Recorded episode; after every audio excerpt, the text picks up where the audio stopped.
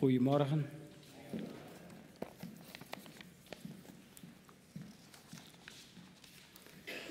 Ik werd er net op geattendeerd dat er hier twee glazen water staan.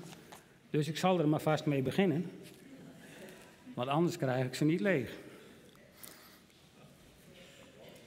Ik weet niet of dat gedaan is omdat men verwacht dat ik nogal een lang verhaal hou. Of dat ik nogal dorstig ben. Of, ja, er zijn allerlei redenen. Of dat misschien men denkt van, uh, dat het hier nog warm is.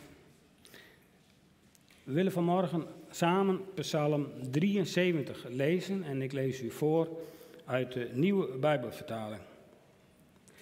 Er staat boven een psalm van Asaf. Ja, God is goed voor Israël, voor wie zuiver zijn van hart. Toch had ik bijna een misstap begaan, bijna waren mijn voeten uitgegleden, want ik keek met afgunst naar de dwazen benijden het geluk van wie kwaad doen. Tot hun dood blijven zij voor ziekte gespaard. Hun buik is goed gevuld, aardse kwellingen kennen zij niet. Het lijden van anderen gaat aan hen voorbij. Daarom is hoogmoed hun halssieraad en bedekt geweld hen als een mantel. Hun ogen puilen uit het vet, van eigen waan zwelt hun hart. Ze spotten, spreken kwaad en dreigen vanaf hun hoge zetels en zetten hun mond op tot aan de hemel en hun tong roert zich overal op aarde. Daarom lopen de mensen achter hen aan, drinken hun woorden in als water en zeggen, hoe zou God iets weten? Heeft de Allerhoogste een antwoord? Zo zijn de goddelozen ten voeten uit, ze verrijken zich onverstoorbaar. Ja, Vergeefs hield ik mijn geweten zuiver en waste ik mijn handen in onschuld. Want ik werd gestraft, dag aan dag, en geslagen, elke morgen weer. Maar zou ik spreken als zij, ik pleegde verraad aan Gods kinderen. Dus bleef ik nadenken. Ik wilde weten waarom. Het was een vraag die mij kwelde tot ik Gods heiligdom binnenging en mij hun einde voor ogen bracht. Ja, u zet hen op een glibberig pad en stort hen in een diepe afgrond. In een oogwenk is het met hen gedaan, hun ondergang, hun einde is een verschrikking. Ze zijn als een nachtmerrie na het ontwaken, Heer, bij het opstaan verjaagt u ze als beelden uit een droom. Zolang ik verbitterd was, gekwetst van binnen, dom en dwaas, was ik bij u als een redeloos dier. Maar nu weet ik mij altijd bij u. U houdt mij aan de hand en leidt mij volgens uw plan. Dan neemt u mij weg met eer bekleed. Wie buiten u heb ik in de hemel? Naast u wens ik geen ander op aarde. Al bezwijkt mijn hart en vergaat mijn lichaam, de rots van mijn bestaan, al wat ik heb, is God, nu en altijd. Wie ver van u blijven, komen om. Wie u ontrouw zijn, verdelgt u. Bij God te zijn is mijn enig verlangen. Mijn toevlucht vind ik bij God de Heer. Van al uw daden zal ik verhalen. Tot zover deze psalm. En ik heb erboven gezet bevestigen dat je bij de Heer Jezus en bij zijn gemeente hoort. Het is alweer een paar maanden geleden dat mijn tante Rimi Kelderhuis Knobbe, een zus van mijn moeder uit Alphen aan de Rijn, heen ging.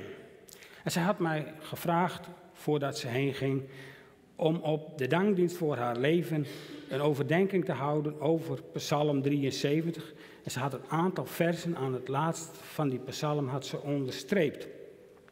In een andere vertaling, of daar staat, u hebt mijn rechterhand gegrepen, u zult mij leiden door uw raad, daarna zult u mij in heerlijkheid opnemen.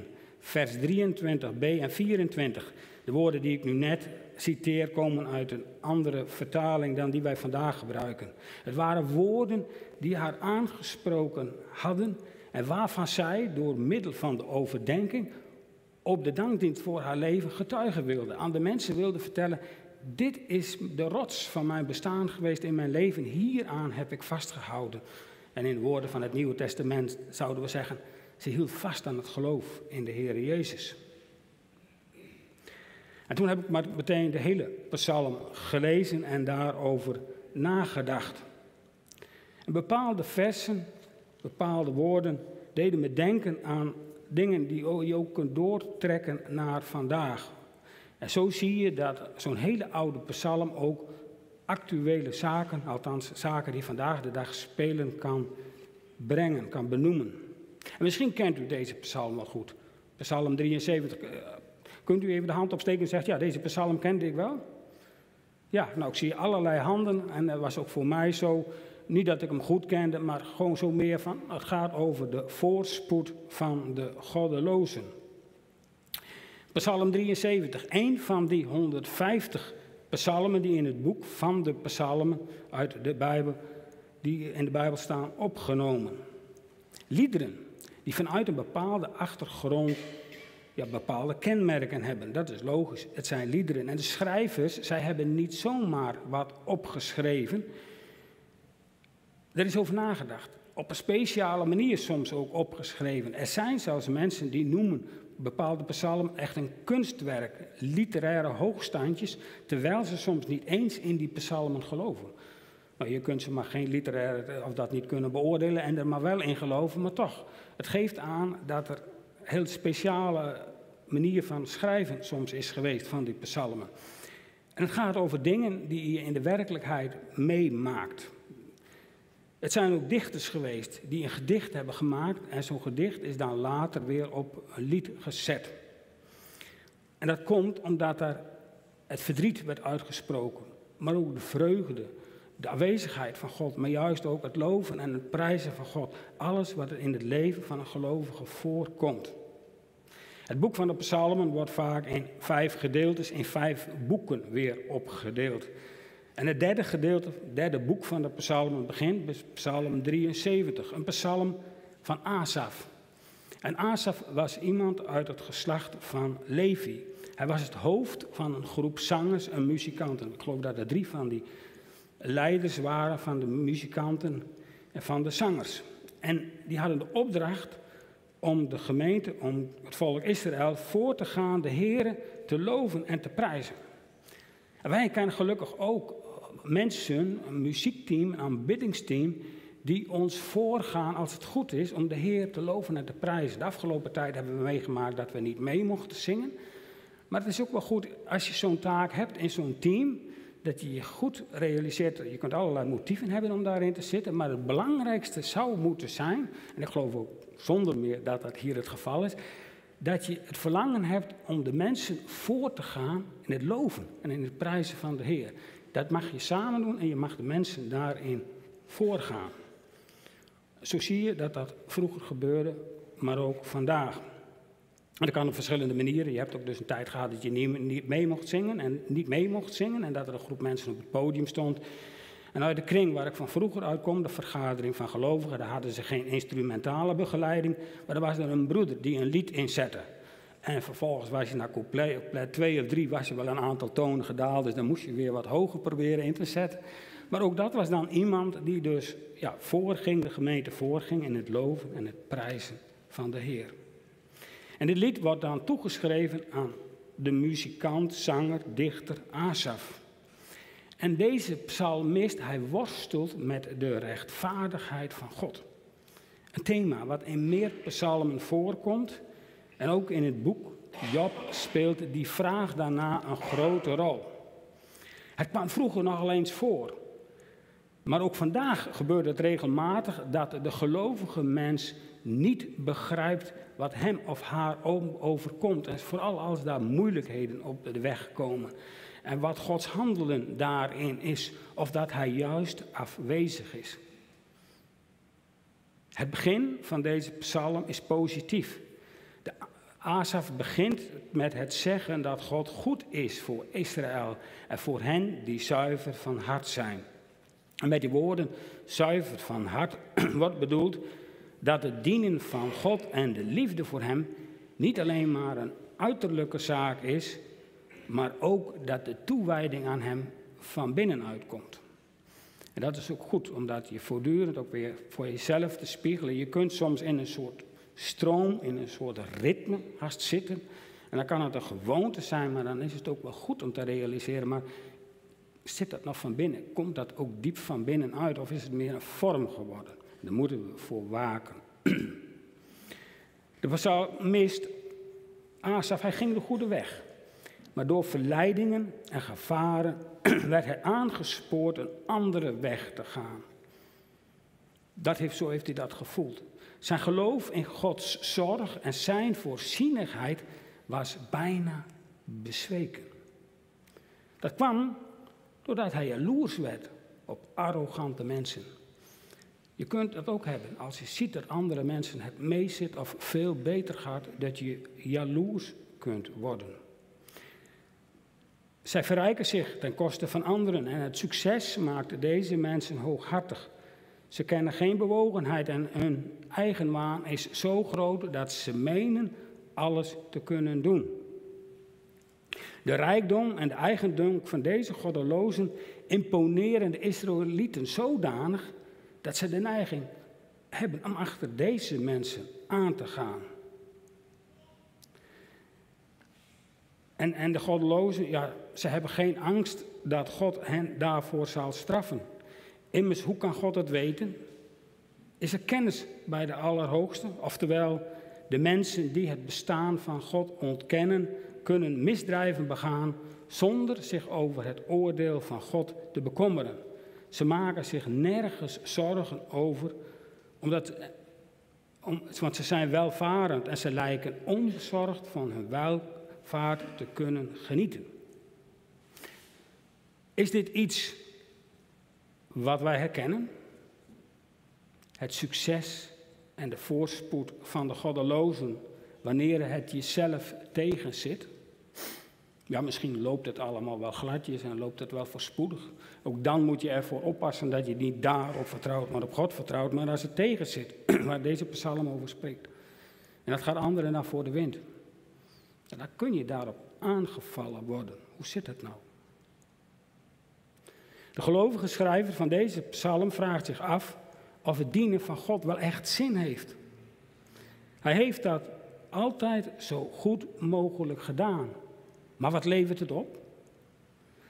Alle inspanningen om God te dienen, om zijn, naar zijn wil te leven, hebben niet tot materiële zegen geleid.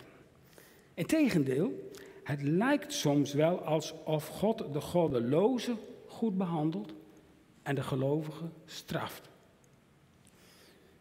Even overweegt hij het geloof vaarwel te zeggen en een andere weg te gaan. Ja, vergeefs hield ik mijn geweten zuiver en waste ik mijn handen in onschuld. Want ik werd gestraft, dag aan dag, en geslagen, elke morgen weer. Deze uitspraak, dit vers, is een kantelmoment in de psalm. Misschien vraagt u of vraag jij ook wel eens af wat voor zin het heeft om te geloven in God. Wat levert het allemaal op? Waarvoor doe je het? Zeker als je bij een kerk hoort, wordt er het een en ander van je verwacht. Een stuk betrokkenheid, het uitvoeren van taken en voor zover dat mogelijk is, het bezoeken van de diensten. Maar wat heeft het voor zin? Wat levert het op? Willen we dan wel ervoor gaan, voor het dienen van God? En de gemeente van de Heer Jezus Christus. Het is goed om ons zo nu en dan figuurlijk in de spiegel te kijken, te zelf reflecteren en te zeggen, ja, waar staan we? En dan hoop ik ook dat we opnieuw zeggen ja tegen de Heere God, tegen Jezus Christus en zijn gemeente. Want we zijn allemaal nodig. We hebben allemaal een taak. Of je nou ingeroosterd of ingepland staat of niet. Ook als plaatselijke gemeente hier in Steenwijk kan de gemeente niet zonder jou. Zij kan niet zonder u. Want zonder jou is de gemeente niet compleet. De psalmist die heeft eraan gedacht het bijltje erbij neer te gooien. Dat heeft hij dus serieus overwogen. Het geloof aan de kant te zetten. En dat kan ook iets zijn wat ons soms bezighoudt. Maar hij realiseert zich dat hij dan verraad gepleegd zou hebben. Zo noemt hij dat. Verraad aan Gods kinderen. En bovendien een breuk met het verbond inhouden. Wanneer je dan in deze tijd trekt, komt het erop neer dat mensen, eh, mensen zijn geweest die hebben beleidenis van hun geloof afgelegd, zijn gedoopt, of misschien wel andersom, zijn ze vroeger als klein kind, als baby gedoopt, hebben ze later beleidenis van hun geloof afgelegd. Ze hebben meegezongen, ze hebben meegebeden. En zo kunnen ze verschillende zaken meegedaan hebben in de kerk. Ze waren een van ons, maar op een gegeven moment houden ze ermee op. Laten ze het afweten. Dat kan zijn omdat ze teleurgesteld zijn in de kerk, maar het gebeurt ook wel eens dat mensen dan vervolgens helemaal afstand nemen van het geloof. Ik denk als ik hier de rijen doorga, dat we vast ook wel voorbeelden daarvan kennen. En hoe verdrietig is dat? Asaf heeft geprobeerd het allemaal te doorgronden. Maar als je alles wilt doorgronden, dan kan dat best wel eens een kwellende bezigheid zijn. En dat was het in ieder geval voor hem. Hoe kunnen mensen die God verguizen worden gezegend? En mensen die hem zoeken worden bestraft? Waarom gebeurt dit zo? Het zoeken naar Gods handelen vinden we ook terug in het boek van Job. Job snapt niet wat hem overkomt. Hij was immers zeer Godvrezend. Er staat onder andere in het boek Job zelf rechtschapen en onberispelijk. De vrienden van Job weten wel waarom hem rampspoed overkomt. Want hij heeft tegen God gezondigd. Dat was voor hun klip en klaar. Job snapte echt niet wat hem overkwam. Maar die vrienden die wisten het wel. En toch blijkt dat het niet juist is. Deze vrienden vergissen zich. Wij komen er vaak niet achter waarom de dingen anders lopen dan we verwachten. Of wanneer we wensen dat ze zouden gaan. Ook vanuit het geloof zelf. We spraken onlangs nog met goede vrienden waarvan de moeder niet zo lang geleden heen gegaan is. De moeder was al tien jaar dementerend en het laatste half jaar kon ze niks meer. Lag gewoon op bed, was er helemaal geen contact meer. En een vader was een jaar of twaalf geleden ook heen gegaan. En sommigen van jullie kennen ze vast wel, ik ga geen namen noemen, maar toch. Ehm, en deze mensen waren vroeger dienstbaar aan de gemeente geweest. Het was een zoete inval voor mensen die geloofsproblemen hadden. Ze deden een bijbelstudie. De broeder ging voor in diensten.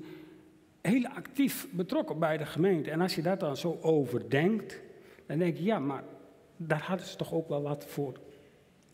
Dat had ook toch wel wat anders gekund. Je bent haast geneigd om te zeggen, ja, dat hadden ze toch ook wel voor beloond mogen worden. Hadden ze niet wat nou, wat prettiger ouder kunnen worden, hadden ze de gemeente kunnen dienen. Het is o zo menselijk en o zo begrijpelijk om, om het zo te beredeneren, om daar zo naar te kijken.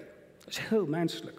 Het zorgde voor verdriet en vragen. Waarom is het zo gegaan? Het niet kunnen plaatsen van Gods handelen in deze. Zo heb ik het althans ervaren bij eh, met name ook de zuster die, eh, over wie het ging. Bij de psalmist is de omkeer in zijn denken gekomen.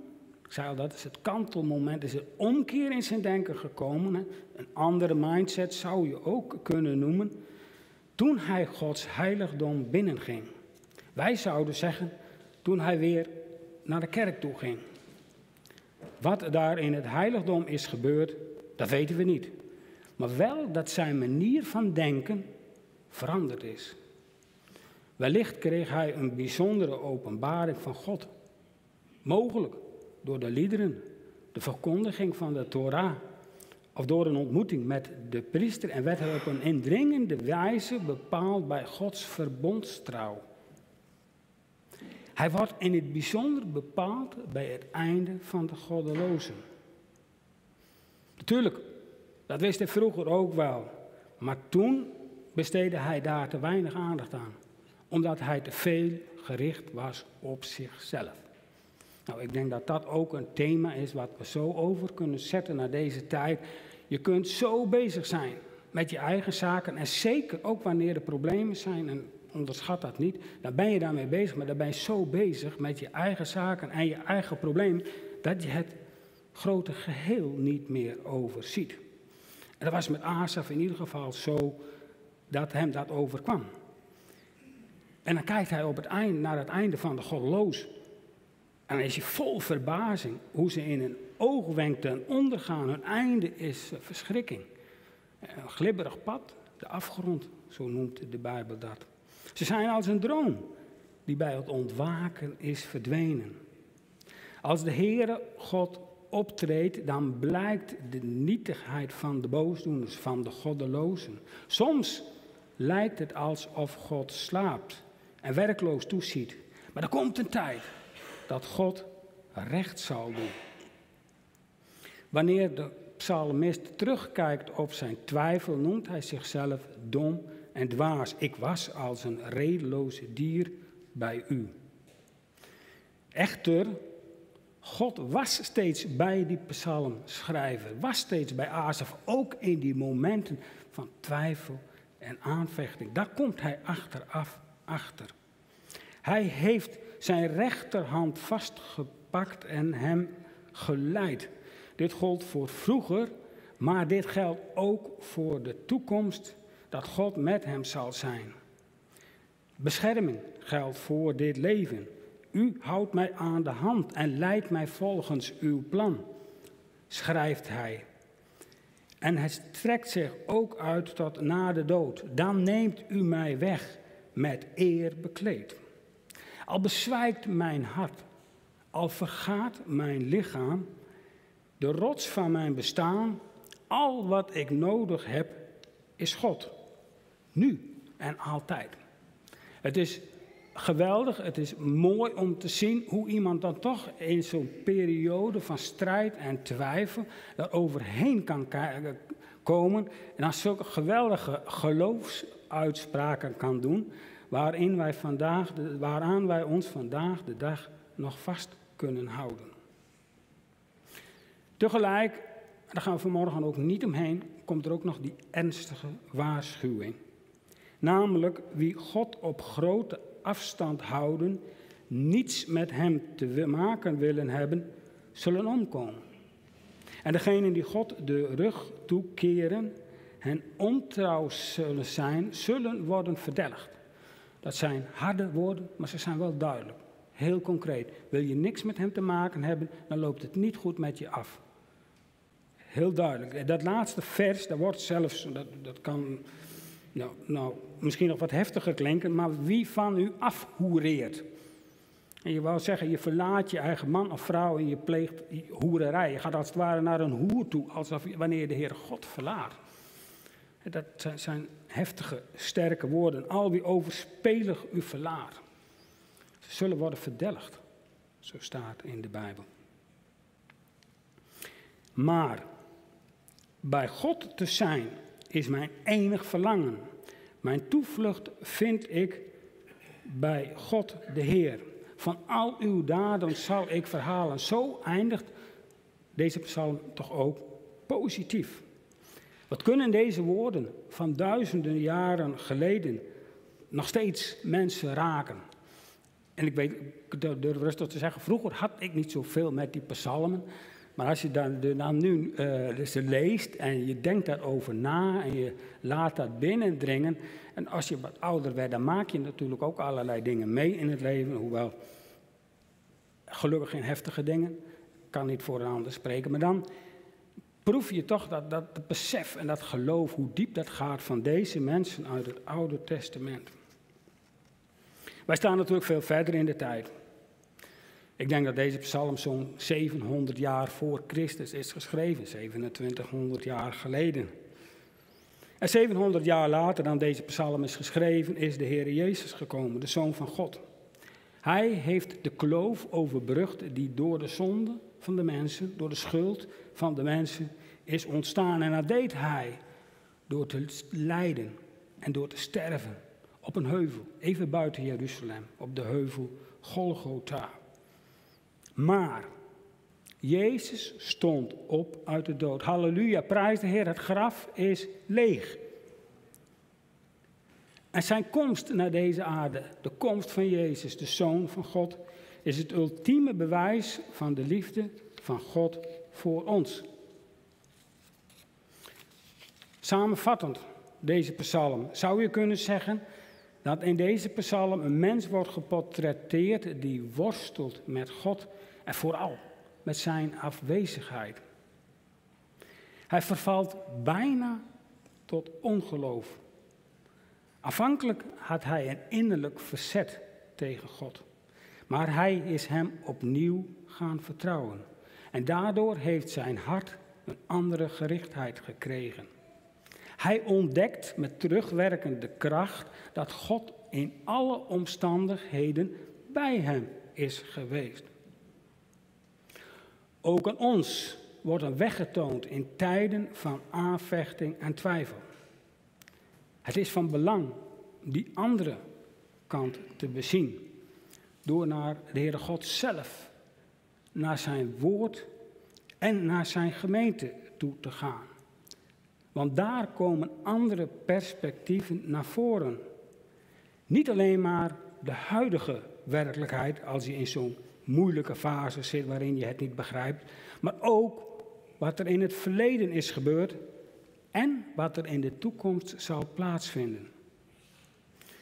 Vele mensen in onze tijd proberen zelf oplossingen te vinden voor de grote levensvragen en ze beschuldigen God van een ongerijmd wereldbestuur. Ze laten zich echter zelden onderwijzen vanuit Gods heiligdom of vanuit zijn nabijheid, waar wij leren dat Gods gedachten en zijn wegen hoger zijn dan onze wegen. Door de ervaring met Gods liefde en van zijn liefde leert de gelovige hem meer te vertrouwen. En dan ga je, als het goed is, dan word je geheiligd en toegewijd. En ook dat is iets wat je alleen maar kunt doen, kunt bereiken, kunt ervaren door Gods genade. Voor het eind van deze overdenking mag ik de wens uitspreken en mogen we ook naar elkaar uitspreken. Ja, dat deze psalm eraan meewerkt en aan bijdraagt dat wanneer we nog geen keuze voor de Heer hebben gemaakt, wie alsnog die keuze voor Hem zullen maken. En wanneer we met twijfels en met vragen over Gods gerechtigheid rondlopen, de, we de weg zullen volgen die de psalmist is gegaan en ons voorhoudt. En de keuzes die we wellicht in het verleden voor God en zijn gemeente en aan elkaar hebben gemaakt, de beloftes die we hebben gedaan om de Heere God te dienen en de Heer Jezus en zijn gemeente te zullen dienen, om die te bevestigen. Tot redding, tot opbouw van jezelf, tot opbouw van de gemeente en tot eer van God. Prijst de naam van de eeuwige God, Vader, Zoon en Heilige Geest. Amen. Zullen we samen bidden? Ja, dank u wel, Vader in de hemel. Dat we hier zo mogen zijn met elkaar, of deze dienst mogen beluisteren. En dat we weten dat er mensen voor ons zijn geweest, honderden, zelfs duizenden jaren geleden, die ook onderweg wel eens twijfels, aanvechtingen hebben gehad. Overwogen hebben om het geloof aan de kant te zetten. En tegelijk beseften, Heer, ja, maar dan zet ik alles wat belangrijk is. Dan zet ik de basis, de rots van mijn bestaan aan de kant. En geef, Heer, dat we dat zullen geloven en dat we dat zullen varen en dat we ons daaraan vast zullen houden. Ook al zien we het wellicht even niet, voelen we even niks. Dat we dan toch vasthouden aan U, aan de rots, aan de schuilplaats, aan de vesting die U bent door alle eeuwen heen. En dat U ons hoop en uitzicht geeft over de dood heen door uw Zoon, Jezus Christus. Heer, wees bij ons allemaal. Ik wil ook bidden voor de leiding van deze gemeente hier te plaatsen.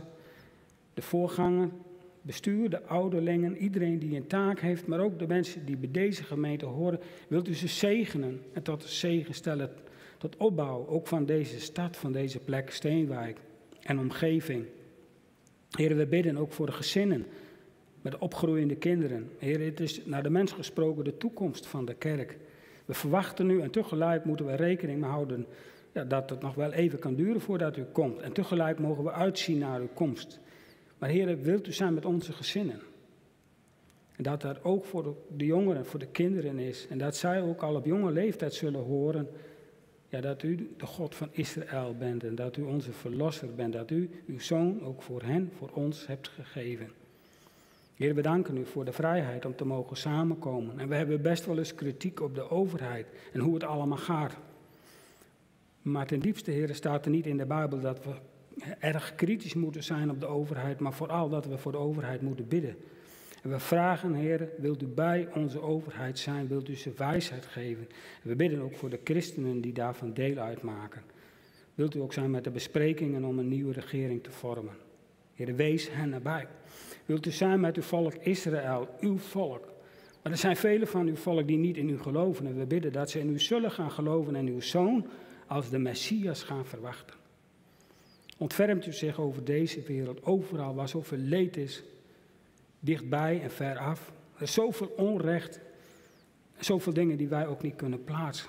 En toch geloven wij dat u deze wereld in uw hand houdt. En toch geloven wij dat u, Heer Jezus, terugkomt. Daar mogen we naar uitzien. Dat u in eerste plaats terugkomt voor uw gemeente, maar ook later dat u uw voeten zult zetten op de Olijfberg en vanuit Jeruzalem zult regeren over deze wereld. We mogen daar naar uitzien, want dan zal er recht en gerechtigheid heersen. Dan zullen niet allerlei kinderen meer als slaven, in wat voor industrie ook worden gebruikt. Dan zullen niet meer mensen worden uitgebuit, mensen niet meer op de vlucht zijn. Heren, wat zal dat geweldig zijn? En daar mogen we naar uitzien.